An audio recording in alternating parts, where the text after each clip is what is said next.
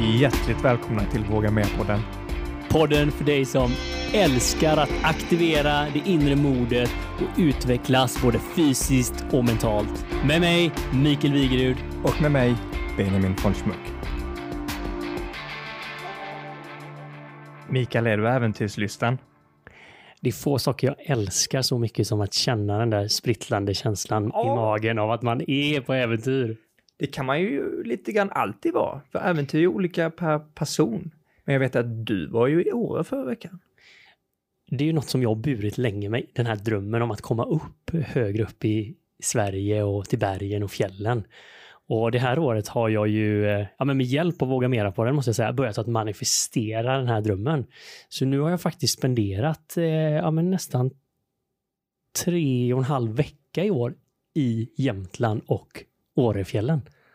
Och då är ju fortfarande året bara liksom halvvägs in. Så Ja, det är helt overkligt. Det finns ju utrymme för så mycket mer. Och att spendera mycket tid ute och att vara på äventyr, det är någonting som eh, vi verkligen kommer uppdaga i dagens avsnitt. Ja, och vi har ju fått, eh, jag har ju fått förmånen att följa med. Du har ju faktiskt hunnit bygga en eh, campervan sen senaste. Jag är inte klar med, med alla kuddar än. Vi håller det till nästa vecka då, men eh, kanske kan vi göra någon liten minivisning på sociala medier. Ja, det här med eh, en campcar och en, eh, att eh, kunna campa med bil har ju verkligen satt sitt avtryck på mig efter alla dessa underbara människor på den. Men man behöver ju inte ha en bil för att campa. För man kan klara sig ute på helt annat sätt. Och eh, att klara sig i vildmarken och spendera 1500 dagar plus i Ja, det är- tält. Det är en helt overkligt inspirerande och häftig människa som är i studion idag.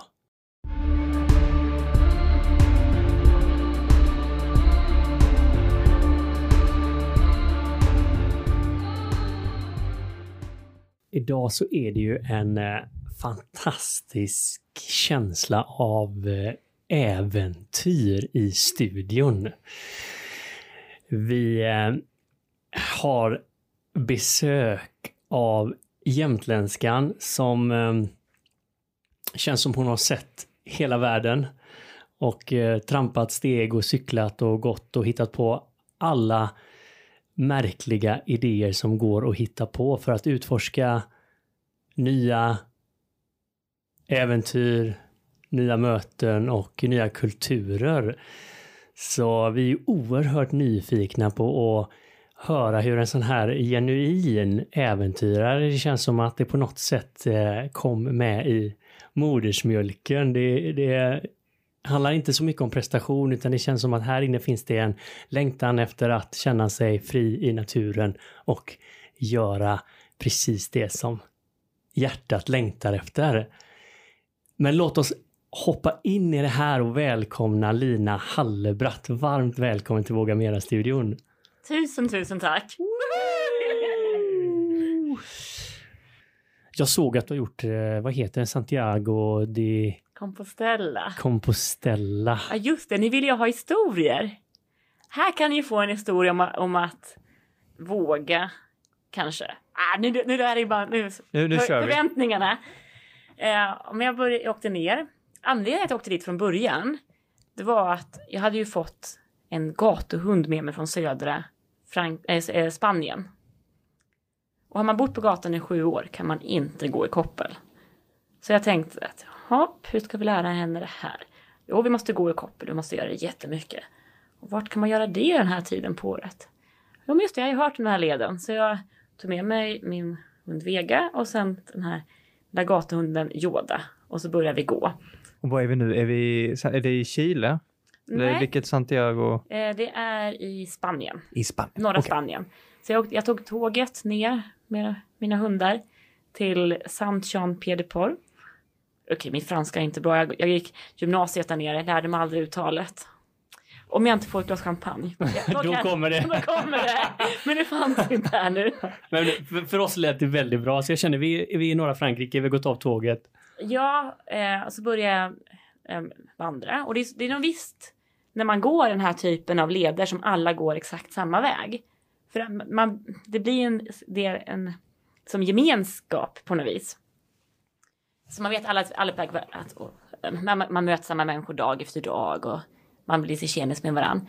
Men redan första dagen så kom jag ikapp en man som jag började prata med, som man gör längs lederna. Det är alltid lätt att inleda samtal när man är ute så. Så vi gick där och pratade och så började det snöa. Just innan vi kommer till första stället där det finns ett alberge. Så jag frågade om han skulle bo där. Nej, nej det var så dyrt, det skulle han inte göra. Han skulle bo utanför en kyrka. Och jag bara, ha, har du inget tält? Nej, det hade han inte. Jag bara, men okej, ska, du inte, ska du inte bo med mig och hundarna då? Det går bra. Vi har, vi har plats i ett tvåmanstält liksom. Så han fick bo i mitt tält och gjorde det sen i tre veckor. Och då fick jag också lära, lära känna honom. Och det som var så fint med det, det var att visa sig att Brian, som han hette, är en hemlös man. Han har, han har bott på gatan i London i tio år. Jag fick lära mig mer om hans liv och han hamnade på gatan. Och det var så bra, alltså för jag måste tyvärr erkänna att jag var, var kanske en person innan som valde att inte se den här typen av människor, eller människor i den här situationen. För att jag, det var lite obekvämt på något vis. Men efter att ha fått det här mötet med honom så har jag blivit mer öppen och kan stanna och prata med en hemlös fråga, man kan hjälpa till med någonting och så. För jag liksom verkligen lärde mig att det är ju en människa som alla, alla andra. Och det är egentligen självklart kan man tycka.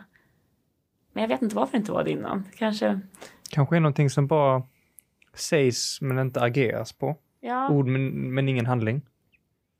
Så det var, ja men det var, ja precis, men det var ändå fint att få verkligen lära känna honom. Vi pratade om lägerelden här med hur lätt det är att öppna upp. Men det är också något visst när man, när man delar tält. Man blir extremt förtroliga med varandra. Man tror att det bara är en själv och den andra och det är så lätt att öppna upp och så glömmer man bort att alla runt omkring, om det är någon utanför, faktiskt hör allt också. Alltså, du är så jäkla modig så jag vet inte, jag tappar orden här men eh, bara ett tvåmannatält och helt plötsligt är ni fyra stycken individer. Ni är två hundar, Brian och du. Och... I tre veckor. alltså. Sista veckan gick jag ensam. men... Ja, och, och, på en sån här sträcka, den är ju verkligen beryktad den här sträckan som livstransformerande och det är ju kanske den mest kända pilgrimsvandringen i världen. Ja, jag vet inte vad jag ska säga. Är det någonting magiskt med den? Ja, men det är väl det att de flesta som åker dit gör det av en anledning. Så de, de flesta är ju kanske sök, söker någonting. Och jag tror att det är det som, för att det man ska vara medveten om, att det är inte den vackraste leden man kan gå. Och, och, och åker man dit med inställningen att man ska få mycket vacker natur, då kan man nog bli besviken. Eh, det är ju en kulturvandring, alltså man går genom kulturlandskap och även en del stora städer. Eh, men det är, men, och många åker dit ensamma. Och det gör ju också att man söker sig till, till varandra. Och att man, ja, men efter, efter några dagar så inser man vilka människor som har samma tempo eh, och upplägg som en själv. Och då blir man som en liten, även om man går ensam så stöter man på varandra nu och då. Det är väl det som är det magiska mer än egentligen. Alltså det, finns, det, är, det är så mycket man vill. Eh, jag ser ju fram emot din kurs, men jag, jag måste få ställa en sista fråga här egentligen, på, på tal om Brian där och hänga kvar honom. Vad lärde han dig om livet som du inte visste innan? Oj. Uh, men hur mycket som helst och hur, hur vad ska man säga, att man, att man kan inte ta någonting för givet. Saker kan ändras så snabbt. För han, ja, jag vet inte hur mycket man ska gå in på hans situation egentligen. Eh, om man bara ska dra det, dra det li, lite snabbt så. Han, han hade varit vårdare av sin fru som var svårt sjuk. Hon dog. Han, det ändrade om hela hans livssituation. Han hamnade i ett drogmissbruk. Han blev hemlös. Han Försökt ta livet av sig, åkt in och ut på psyket. Och sista gången han gjorde det så hade han bestämt sig för att ta livet av sig på riktigt. Så han hade gått till en bar för att ta någonting stärkande. Eh, går till bron han ska hoppa ifrån. Men går in i en park innan. Och sen vaknar i den här parken på morgonen eh, efter och rabblar citat från Bibeln. Alltså jag, jag är själv inte troende och kan inte så mycket om kristen tro. Men det han sa var att det han hade liksom sagt, eh, de olika evangelierna och numren hit och dit och sådär. Och så var det någonting med att i det skick du är när Gud finner dig, i det ska du förbli. Och han var ju hemlös. Eh, han var singel. Och han var nykter. Även fast han hade drogat under så lång tid så var allt det borta från honom. Så han bestämde sig för att bli en gudsman som han kallade det.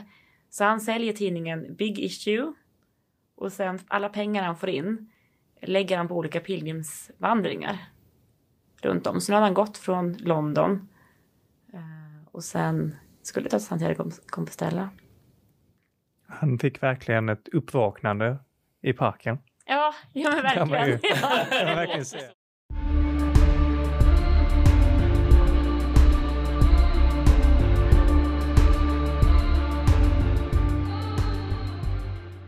Du har precis kommit hem efter att skidat 270 mil genom eh, halva Sverige. Ja, eh, jag provade på hundspann för första gången och körde då från Grövelsjön upp till Treriksröset där jag vände och körde ner till Grövelsjön igen. Så det vart 290 mil. 290 mil? Ja, 20 mil hit och dit. Men jag tyckte du sa nästan halva Sverige, men Sverige är bara runt 150 mil, så det är en distans på nästan två gånger Sverige. Ja, det är möjligt, jag, jag har inte tänkt på det. jag, jag kände det, det är rätt långt när jag bilade till Luleå när jag bodde där. Jag tog ju för evigheter då satt jag bil. Ja, men det här var ju gång fem och sex som jag kör samma sträcka. Tidigare gånger har jag ju åkt skidor och dragit pulkan själv. Men den här gången fick jag stå bakom en hundsläde skidade ibland. Så nu var, det var du och dina hundar den här gången som var ute på... Ja, alltså jag har ju två hundar. Och sen har jag fått eh, till med nu två stycken huskies. Och sen fick jag låna tre stycken huskies till. Så vi var ju ny, nya som team innan den här turen. Eh, övade ja, lite grann i höstas och i början av vintern. Så vi hade mycket att lära om varandra och av varandra innan vi liksom teamar ihop oss. Det är så häftigt att höra detta. Men för är det lite som att vara ute i en grupp med människor även när man är ute med, när man är så nära i ett team oavsett om man är hundar och människa och Eh, ja, men nack, eller, det, det är ju betydligt lättare att vara ute med, med hundar. Hundar klagar ju inte. Det gör ju människor. eh, och jag har ju gått flera år på folkhögskola. Tre år med friluftsinriktning. Och det jag lärde mig av de åren framför allt, det är att det är tusen gånger bättre att vara ute ensam än att vara ute med fel sällskap. Mm. Mm. Jag tycker att det är, ja, det är för det är inte kul att vara inne heller med fel sällskap. Så att det... Nej, det är, det är sant. Och sen vet man inte heller vad som är rätt sällskap. För ens bästa vän i det vardagslivet är det inte alls säkert man synkar med när man är ute på tur. Det är allt från dygnsrytmen till hur man vill lägga upp saker och vad som är viktigt. Eller vad man har fokus på, på en tur. Och sen tänker jag på det här just om det händer någonting, för personer agerar ju mycket annorlunda under stress. Ja, så är det helt klart. Helt klart.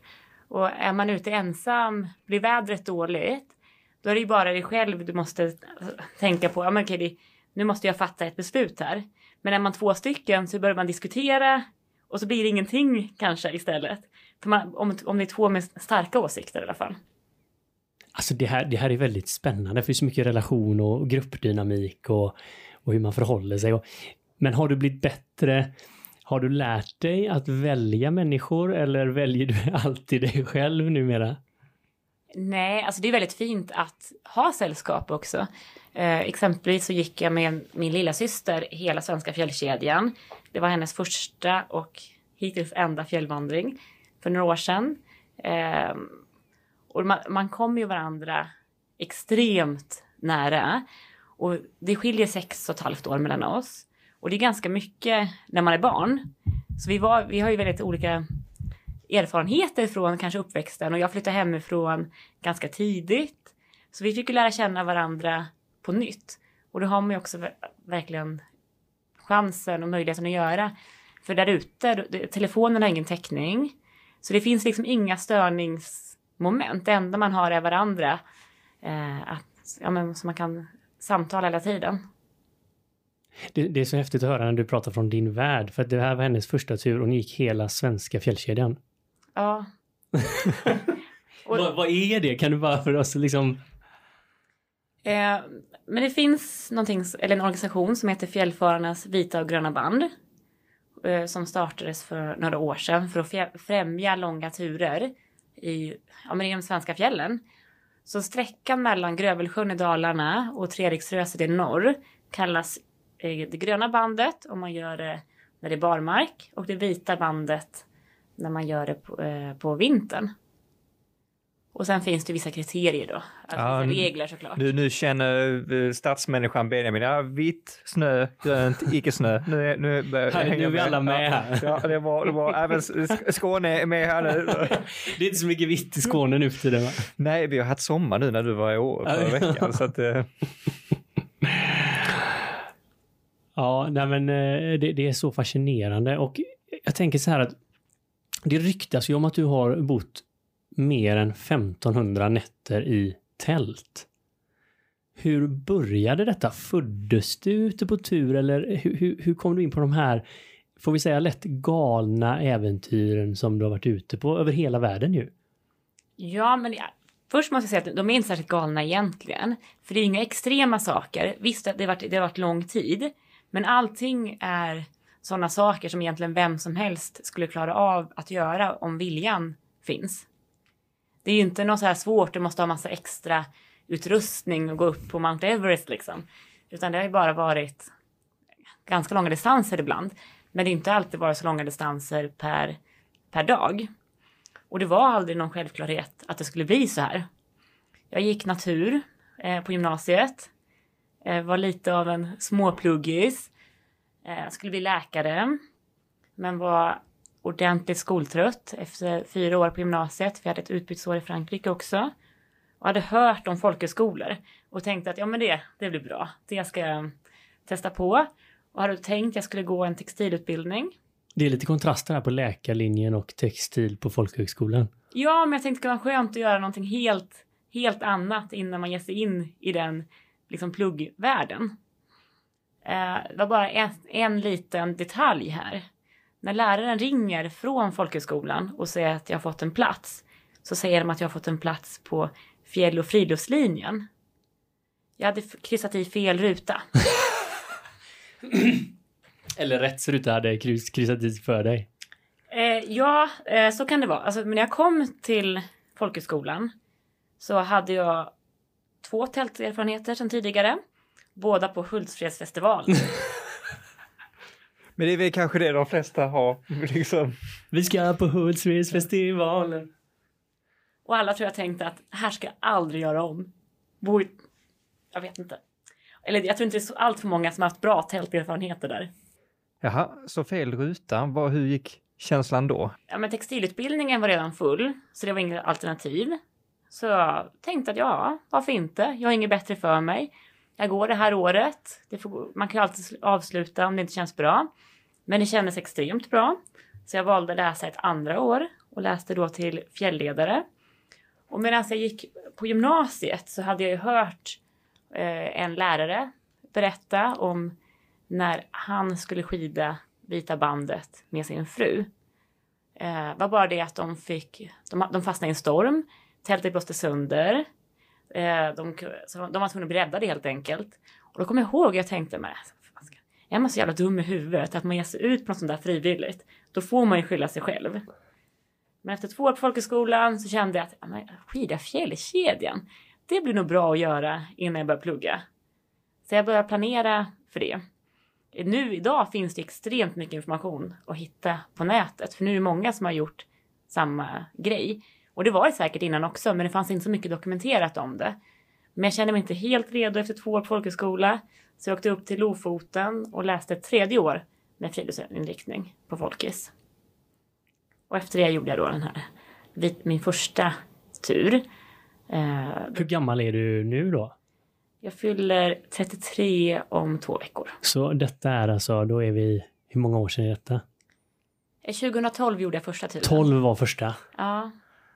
Så vi närmar oss ja, tioårsjubileet. Ja, exakt. ska, ni med på, ska ni med på någon långtur och fira? Ja, alltså, jag, jag, känner att det är det som är stor risk med det här avsnittet. Att det kommer få risk, konsekvenser. chans, möjlighet. Take it for what it is. Benjamin tittade på mig innan du kom och sa han, jag är lite orolig inför det här avsnittet. För jag tror det kommer väcka någonting inom mig som jag inte vet om jag vågar väcka. Men det, det är så härligt att, att höra det här att först inställningen lite grann innan utbildningen, ah, ta sig upp till fjällen och göra det frivilligt och sen testa på en gång och det var inte sista gången. Nej. Nej. Men, men bara där för att hänga lite, för det är liksom en drömdestination för mig, Lofoten. Du bodde där ett år? Ja, ett drygt år. Jag, eh, jag åkte dit lite innan skolåret började, sen var jag kvar efteråt och jobbade inom äldreomsorgen. Det är en liten sån här magisk plats. Eh, är det det när man är där också eller? Jo, men det är det. Och ett år räcker inte för att hinna se allt man vill hinna se.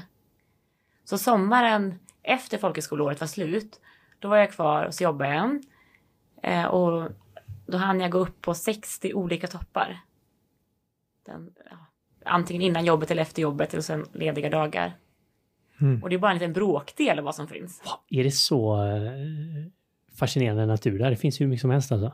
Ja, och sen hade jag också turen att det var ett ovanligt bra väder den här sommaren. Man kan ju också vara där en sommar och det bara regnar. Ja.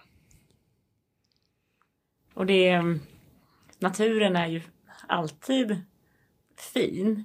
Men det är inte alltid lika roligt när det regnar. Inte dag 17 på raken i alla fall. Nej, man vill ju gärna se någonting också. Ja. ja.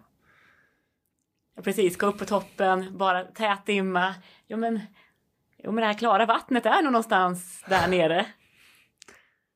Det, det, är någonting magiskt med, med, med berg. Jag och Mikael, vi har pratat om det ganska länge. Jag fick min första bergsupplevelse på riktigt.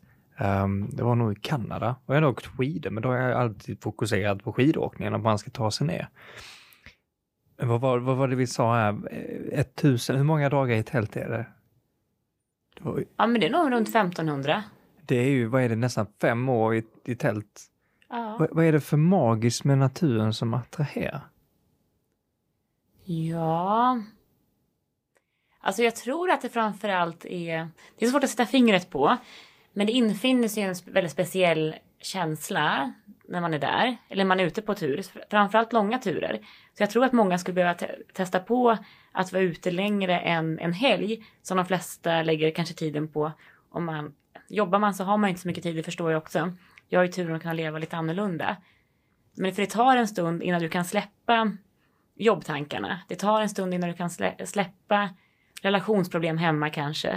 Eh, men när man väl har kommit in i det så är det bara de basala behoven som spelar, spelar roll.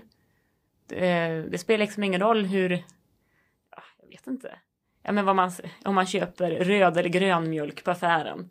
Du har maten du behöver i väskan. Det är extremt kravlöst. Det enda kravet som egentligen inte är ett krav, det är att du sätter den ena foten framför den andra. så kommer du till slut fram dit du ska. Och man vet inte, är man på nya, även, jag, jag går ju ofta på, till samma plats flera gånger. Men det är aldrig samma, man vet inte vad man kan liksom, förvänta sig där. Man vet bara att det, det kommer liksom bli bra. Man vet inte vilka människor man möter. Men andra människor man möter i naturen är ju också så glada över att vara där. Så man, alla är ju en bättre version av sig själv. Mm. Känner du det när du är ute att, att det händer någonting inom dig? Man, man kan nästan smittas av när du beskriver det här men att alla som är där blir en bättre version av sig själva. Ja, det ska jag säga fram tills man har glömt att äta. Japp. Då är man helt plötsligt inte den allra bästa. men, men, men den, den, finns nog här hemma också. ja, den är universell va? Ja. Men det var ju det här med behoven som du förklarade, att man ser till att mat, sömn, biologiska fungerar. Ja, Och det har ju, det är liksom nästan inga, det är inga störningsmoment heller och distraktioner på det sättet som finns i ett vanligt Jag märkte det så tydligt då, när jag var ute på min första tur som vi pratade om tidigare här. Eh, en liten, ja, då var jag ute 97 dagar. Och det finns ingen som har lyckats skida svenska fjällkedjan så långsamt. Det är ett rekord. Det. det är ett rekord. ja, men när, när jag liksom kom tillbaks och skulle liksom återanpassa sig till det vanliga livet. För då hade jag skidat 97 dagar. När jag kom upp till Treriksröset så bytte jag skidorna mot en cykel och cykelkärra som hunden fick sitta brak i. Sen cyklade jag liksom resten av svenska eh, gränsen runt och tillbaks till Grövelsjön. Så jag var ute i många, många månader. Och då när man ska liksom återanpassa så inser man att med en hjälp, alltså bara, bara det här med att gå och handla mat. Dels är det extremt mycket brus eh, som man ska, måste sålla bort. Eh, det, det, det är hyllmeter efter hyllmeter av samma vara. Det är så mycket val, det är så många grejer att liksom ta, ta ställning till hela tiden. Alltså där, där ute är det liksom, jaha ska jag gå hit eller hit? Ja, men vad, och det, det, det, konsekvenserna eller av det man väljer kommer på en gång. Man kan liksom veta det också. Ja, men okej, går jag den här vägen så blir det mer uppför. Men jag kanske också får vackrare vyer. Går det där kanske lite mer blött. Där lite mer lättgått. Ja, men vad känner jag för idag? Det är liksom ett lätt val eh, och beslut att fatta. Men all, allt det som är på hemmaplan, det är så mycket mer. Och så utmaningar man ställs inför på tur. Det är ju sånt som man kan överkomma och klara av och bli stärkt av. Men eh, är man i, man, har ju också, man ställs inför extremt mycket utmaningar i ett vardagsliv. Men de utmaningarna klarar man nästan aldrig av. Eller många gör inte det beroende på vilket jobb man har. Det spelar liksom ingen roll för när du är klar med den uppgiften så har det redan kommit in 18 andra. Så man, man blir liksom aldrig bara äh, färdig. Så när jag har gått klart mina steg för dagen då är jag liksom klar. Jag behöver inte tänka på någonting annat. Um, det är väl också en del av tjusningen kanske.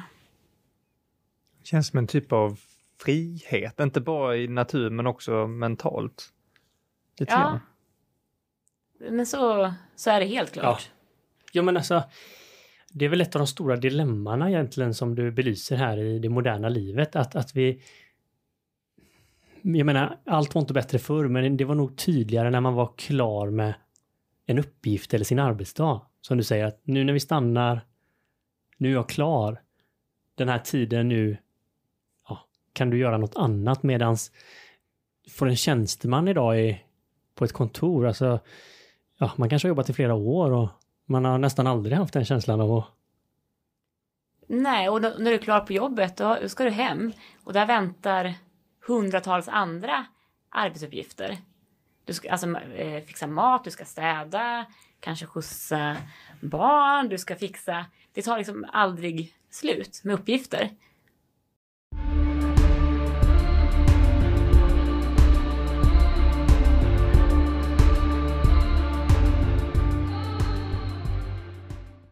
Vad är dina lärdomar av de här 1500 nätterna? Eh, alltså den stora lärdomen är kanske, alltså om man, om man vet vad man mår som allra bäst av att göra så känns det ganska dumt att lägga sin tid på en massa annat. Mm. När, när gick det upp för dig? Mm, ja, men framförallt här om året.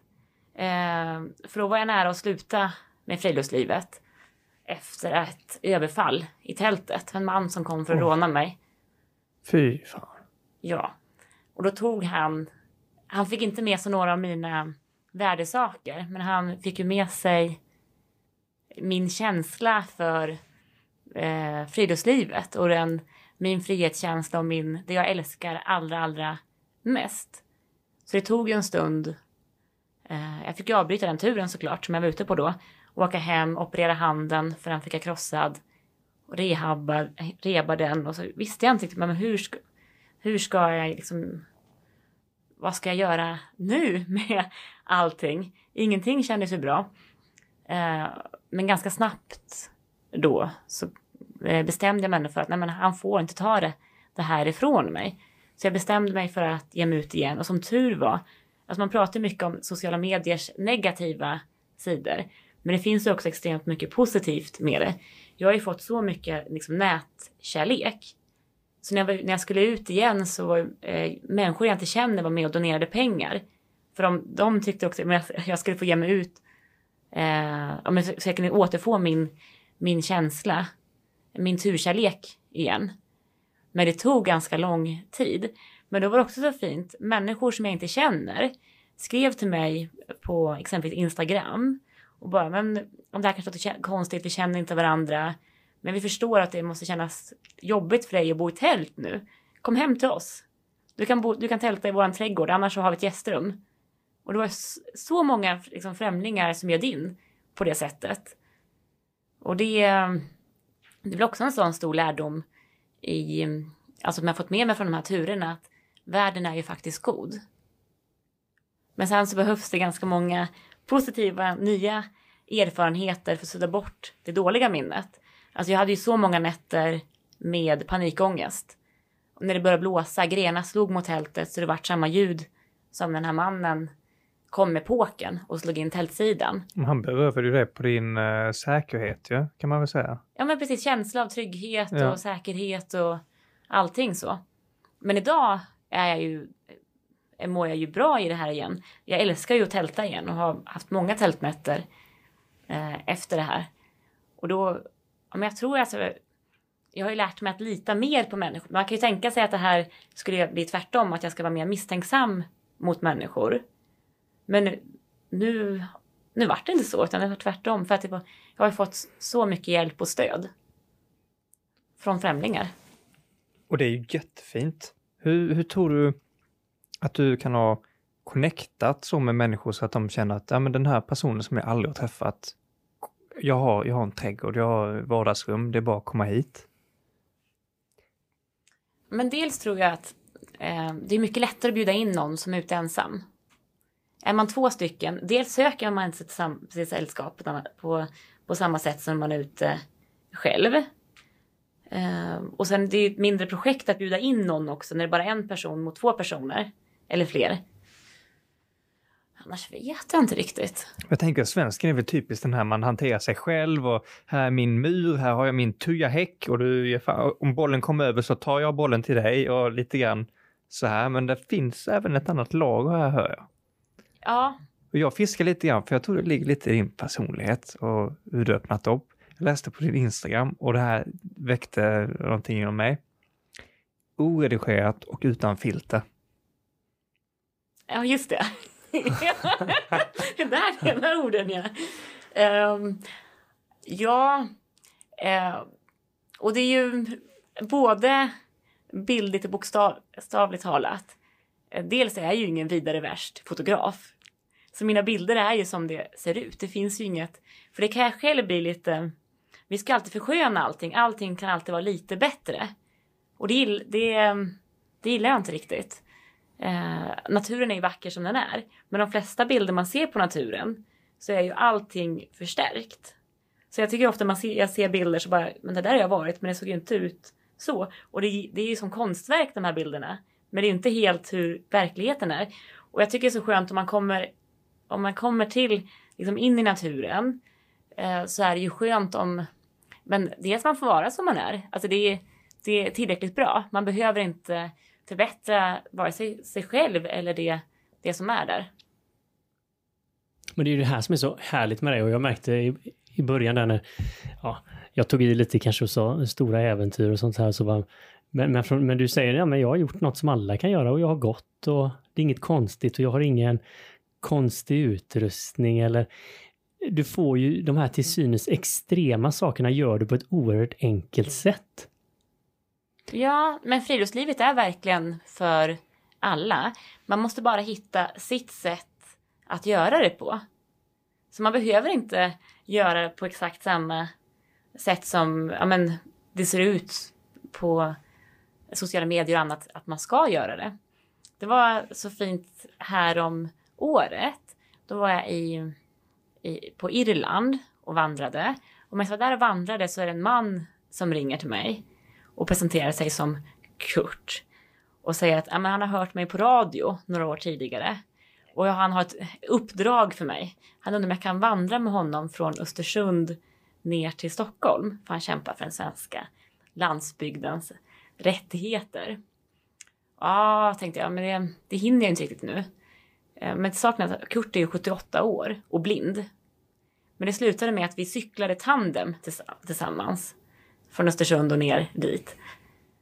Eh, och det är väl ändå det optimala beviset att vem som helst kan göra vad som helst bara man hittar sitt sätt att göra det på.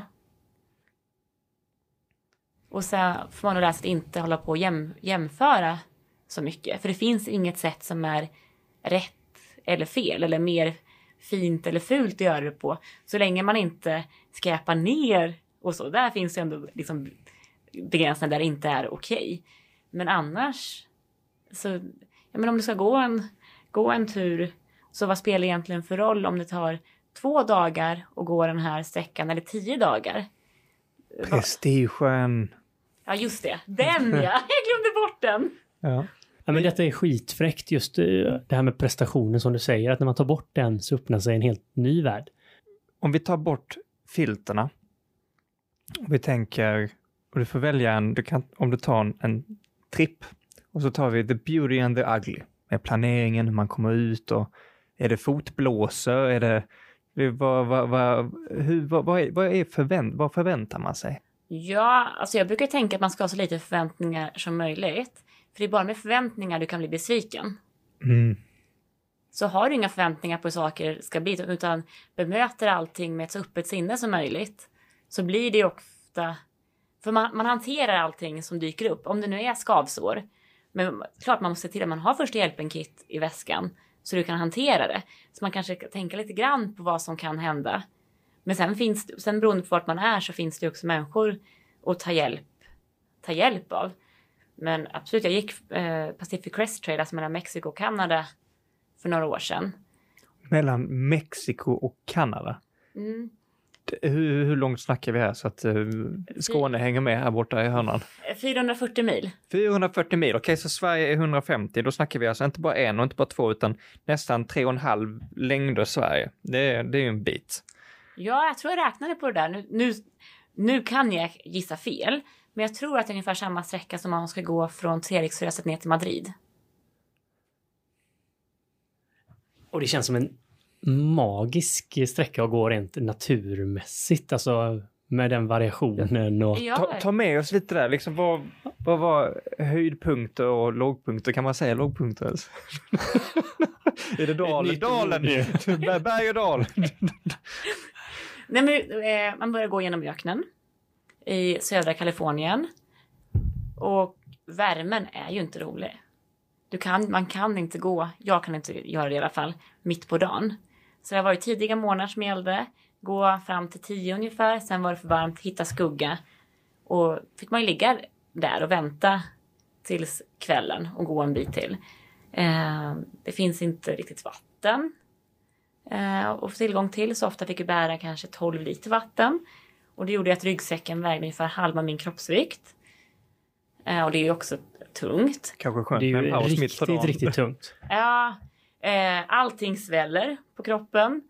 Fötterna bland annat. Så man tror man har köpt tillräckligt sko stora skor. Och så här är de inte det. Och så får man blåsor precis överallt. Eh, jag fick, man, eh, längs PCT så får alla trail names. Eh, beroende på, andra ger dem till en. Så jag, jag fick namnet Happy Feet. På grund av min gångstil. Eh, för de här blåsorna. Mm. Men PCT, den har jag hört mycket om innan. Ja, jag, wild. Jag, jag, kan säga, eh, jag, jag, jag har inte sett den. Jag har sett en trailer för den. För jag vill, det är tjejen som går va? Som drar av fotnagel i en av scenerna där. Den ser riktigt rälig ut.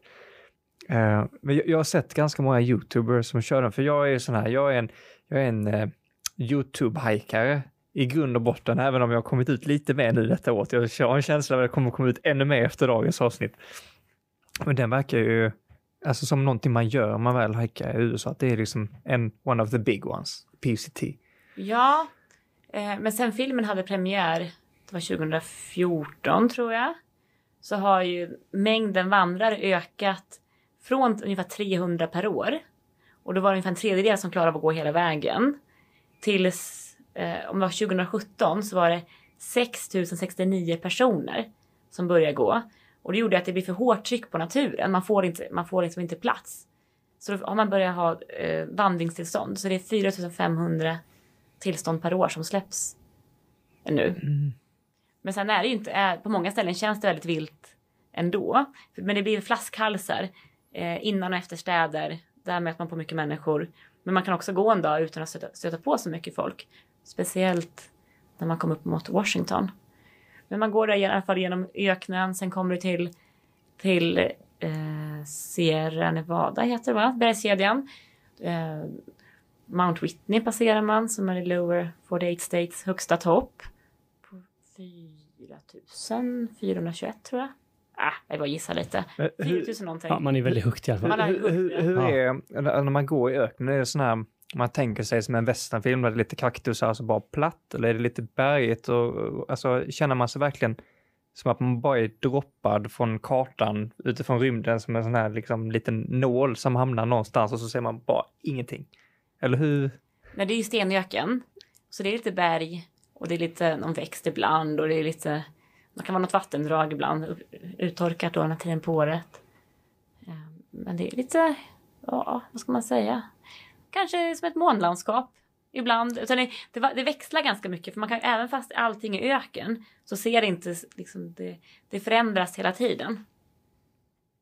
Men så nästan en liten utomjordisk upplevelse om man jämför med typ om man går i Sverige. Ja men helt klart. Så är det. Och det egentligen tycker jag alltid det. Va- Vart än jag kommer, det inte är som Sverige. Då är det, då är det, då är det utomjordiskt. Men jag, jag, jag blir lite nyfiken här, för det här är så, det är så himla extremt på ett sätt och för en vanlig människa att ge sig ut och gå så långt. I öknen, I öknen och genom ett par kontinenter. ett 12 liter vatten. Med 50, jag kommer ihåg när jag gnällde på min packning i Himalaya. Då tror jag jag hade bantat ner den till 11 kilo. Och jag trodde den skulle ta livet av mig.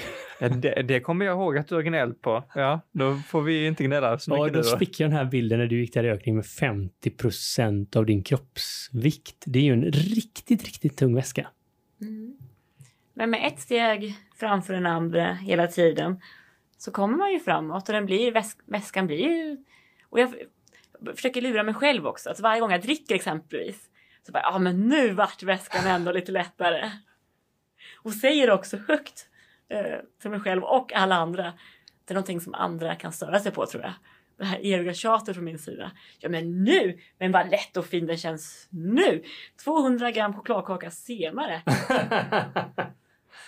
Men vad är det som driver? För, för man märker det, det är inte, du är inte som många äventyrare just nu, det är ju mycket prestation och göra saker som aldrig har gjorts och sånt. Och det känns ju helt borta från dig när man sitter med dig framför och hör. Men vad är det ändå som får driver dig till att göra så här som att gå nästan 450 mil?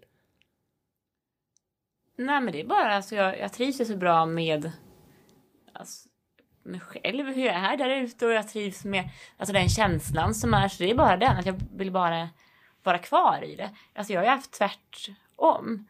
När turer börjar ta slut. Som när jag skulle paddla, jag paddlade eh, det blå bandet, alltså svenska kusten som nybörjare 2015.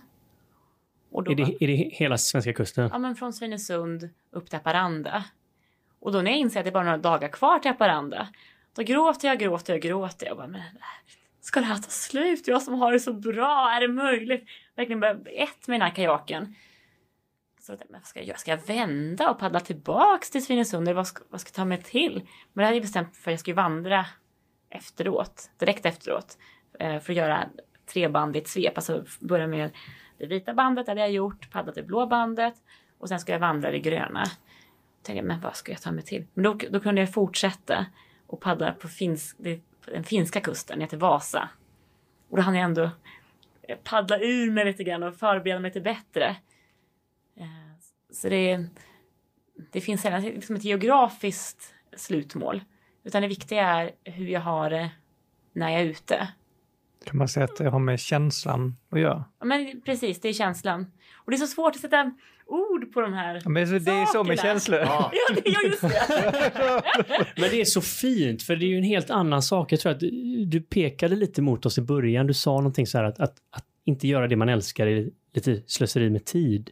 Och på något sätt är det väl de tårarna som kommer där i kajaken är, pekar lite åt samma håll för din del.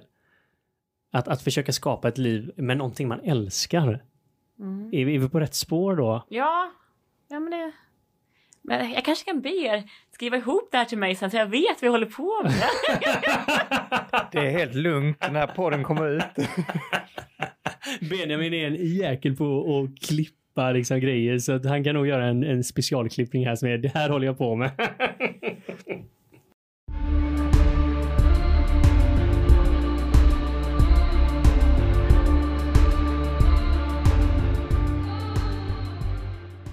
Men nå- någonting som fastnade eh, tidigt under vårt samtal för mig, det var det här när du beskrev eh, Lina, du tog, tog med mig ut lite grann till att när man är ute flera, flera dagar, kanske till och med veckor och att man på något sätt, jag tror du sa att du var borta 90 dagar va?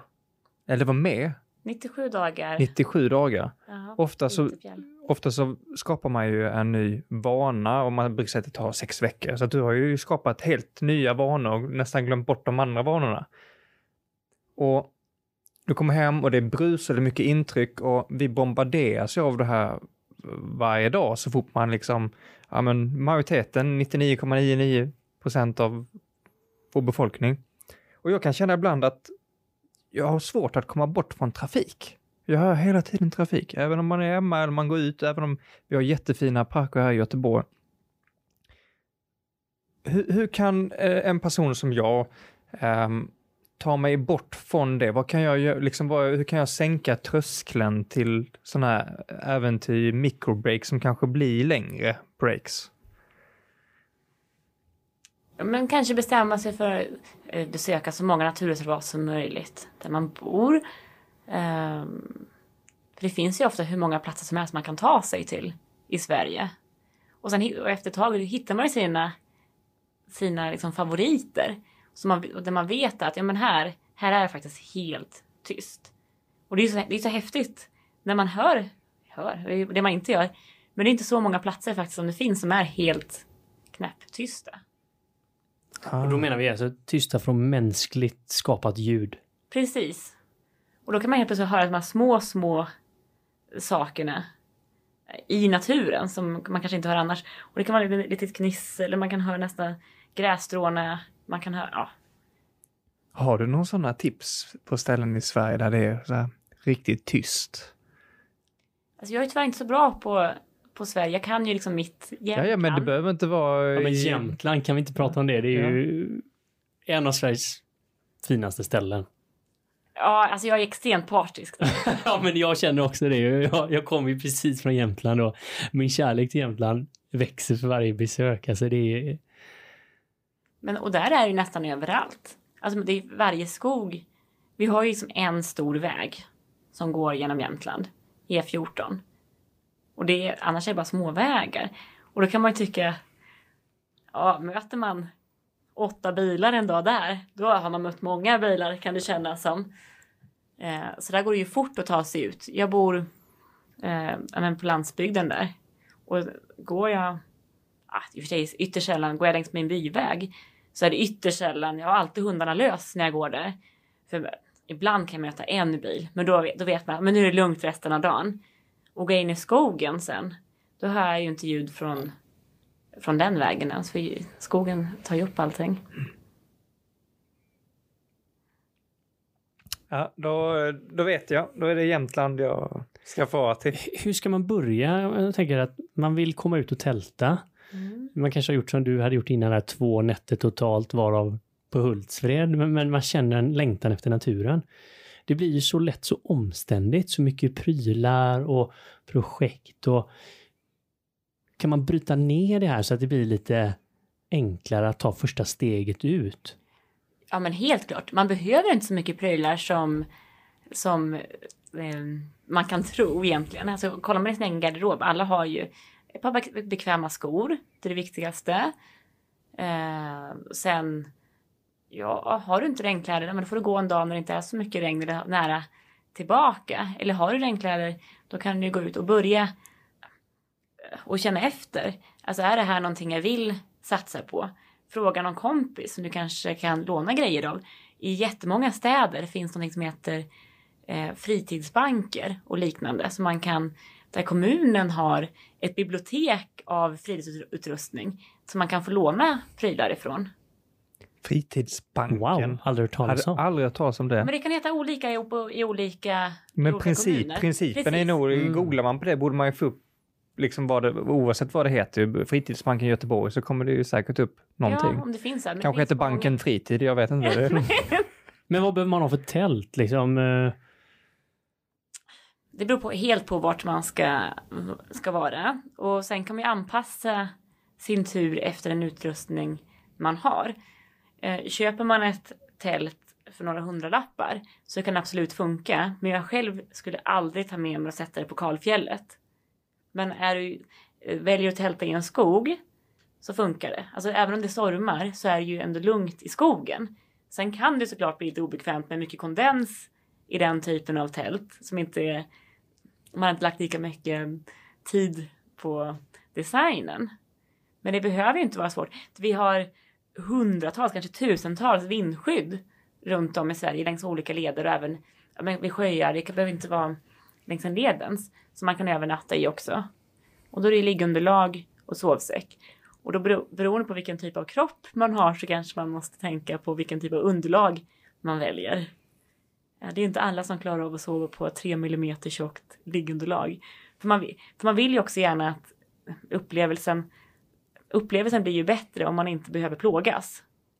Så det är ändå någon liksom balansgång där. Men med det sagt så tycker jag inte man ska gå och köpa ett liggunderlag för tusentals kronor innan man ens vet om det här man vill göra. Men om man... Jag har en vän som ofta säger, som har lagt ganska mycket pengar på utrustning själv. Och så bara tänker han efter, men, men vad kostar det egentligen? Ja, men om jag, om jag åker iväg på en vanlig solsemester, vad kostar det att bo, bo på hotell varje natt? Ja, men det är billigt räknat 500 kronor. då är det billigt räknat och då kanske den madrassen i sig inte är så bra. Nej, precis. Men så lägger, tänker man då, okej, om, jag- om jag då ska lägga det här på att köpa utrustning istället för att åka utomlands en vecka, då, får, då har du ganska snabbt en fin budget. Plus att det är ju inte förkastat efter man har använt det. Nej. Jag gillar det, det här med, med banken och kanske till och med, men, jag vill inte svära på detta, men oftast är det ju någon i sin eh, bekantskap som har grejer. Man kan ju börja med att låna och testa. Kan jag, jag har, har lust att låna ut lite grejer till mig? Och, eller kan jag hänga på dig någon gång eller, eller liknande? Jo, man sänker precis. liksom ribban. Ja, och har man inte jättemycket erfarenhet så finns det också många rädslor kanske. Och då är det extra bra om man kan göra det med några som kan. Och det finns ju olika, ja, men Friluftsfrämjandet exempelvis an, a, arrangerar ju grejer. Det finns även andra organisationer som man kan gå med i. Det finns ju det finns olika Facebookgrupper för eh, människor som letar sällskap att gå med. Ja.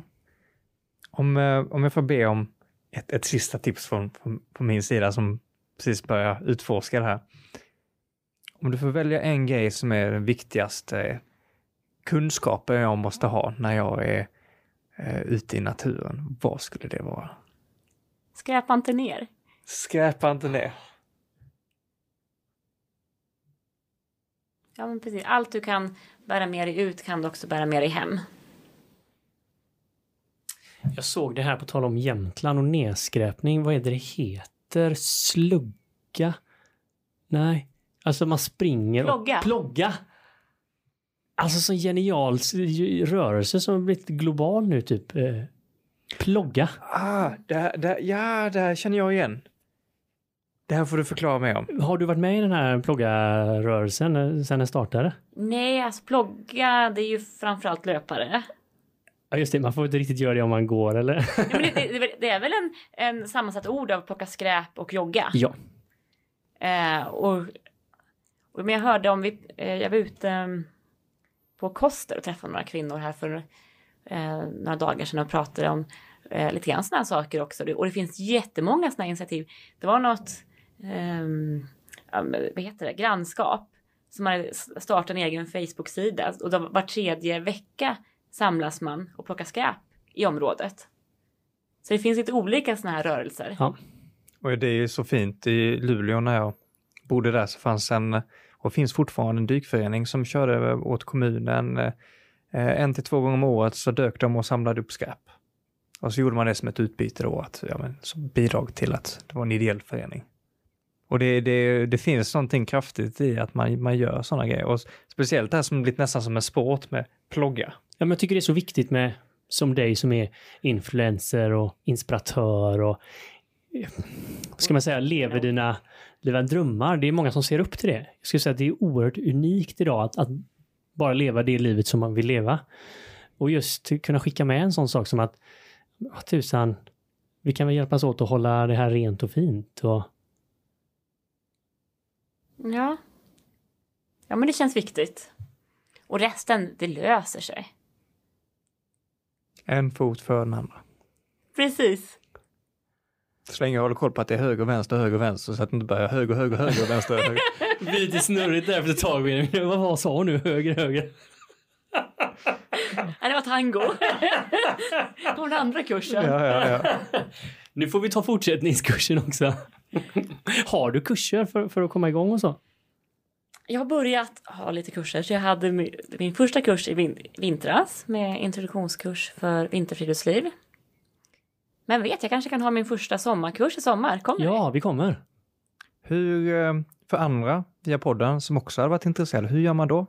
Eh, Är det Instagram som gäller? Är det... Ja, det är nog lättast för där, där finns alla, alla mina uppgifter samlade. Och så din hemsida, hur hittar man den? www.linahallebratt.se Där har vi ju alla möjligheter nu att lära oss. Ja, men ni har ju märkt att det, slängs ju bara det ena äventyret efter det andra här och, och där kan man se dina olika resor och vad du har gjort och så. Ja, allting började med eh, en fel ikryssad ruta. Ja, det är sant. Så tack för den felkryssningen, för annars hade vi kanske inte suttit här idag. Och, vad, och det kan man också lära sig att någonting som man först kanske tänker det här var inte planerat, det kan ju bli helt livsavgörande. Ja, verkligen. Så, så, djupt hade jag aldrig tänkt på det innan, men det är faktiskt sant. Vi ska Ja, då byta till djupa podden. Poeten Benjamin, tack för detta Benjamin. Jag tycker det summerar dagen på ett oerhört fint sätt. Stort tack Lina för att du har kommit till Våga Mera podden.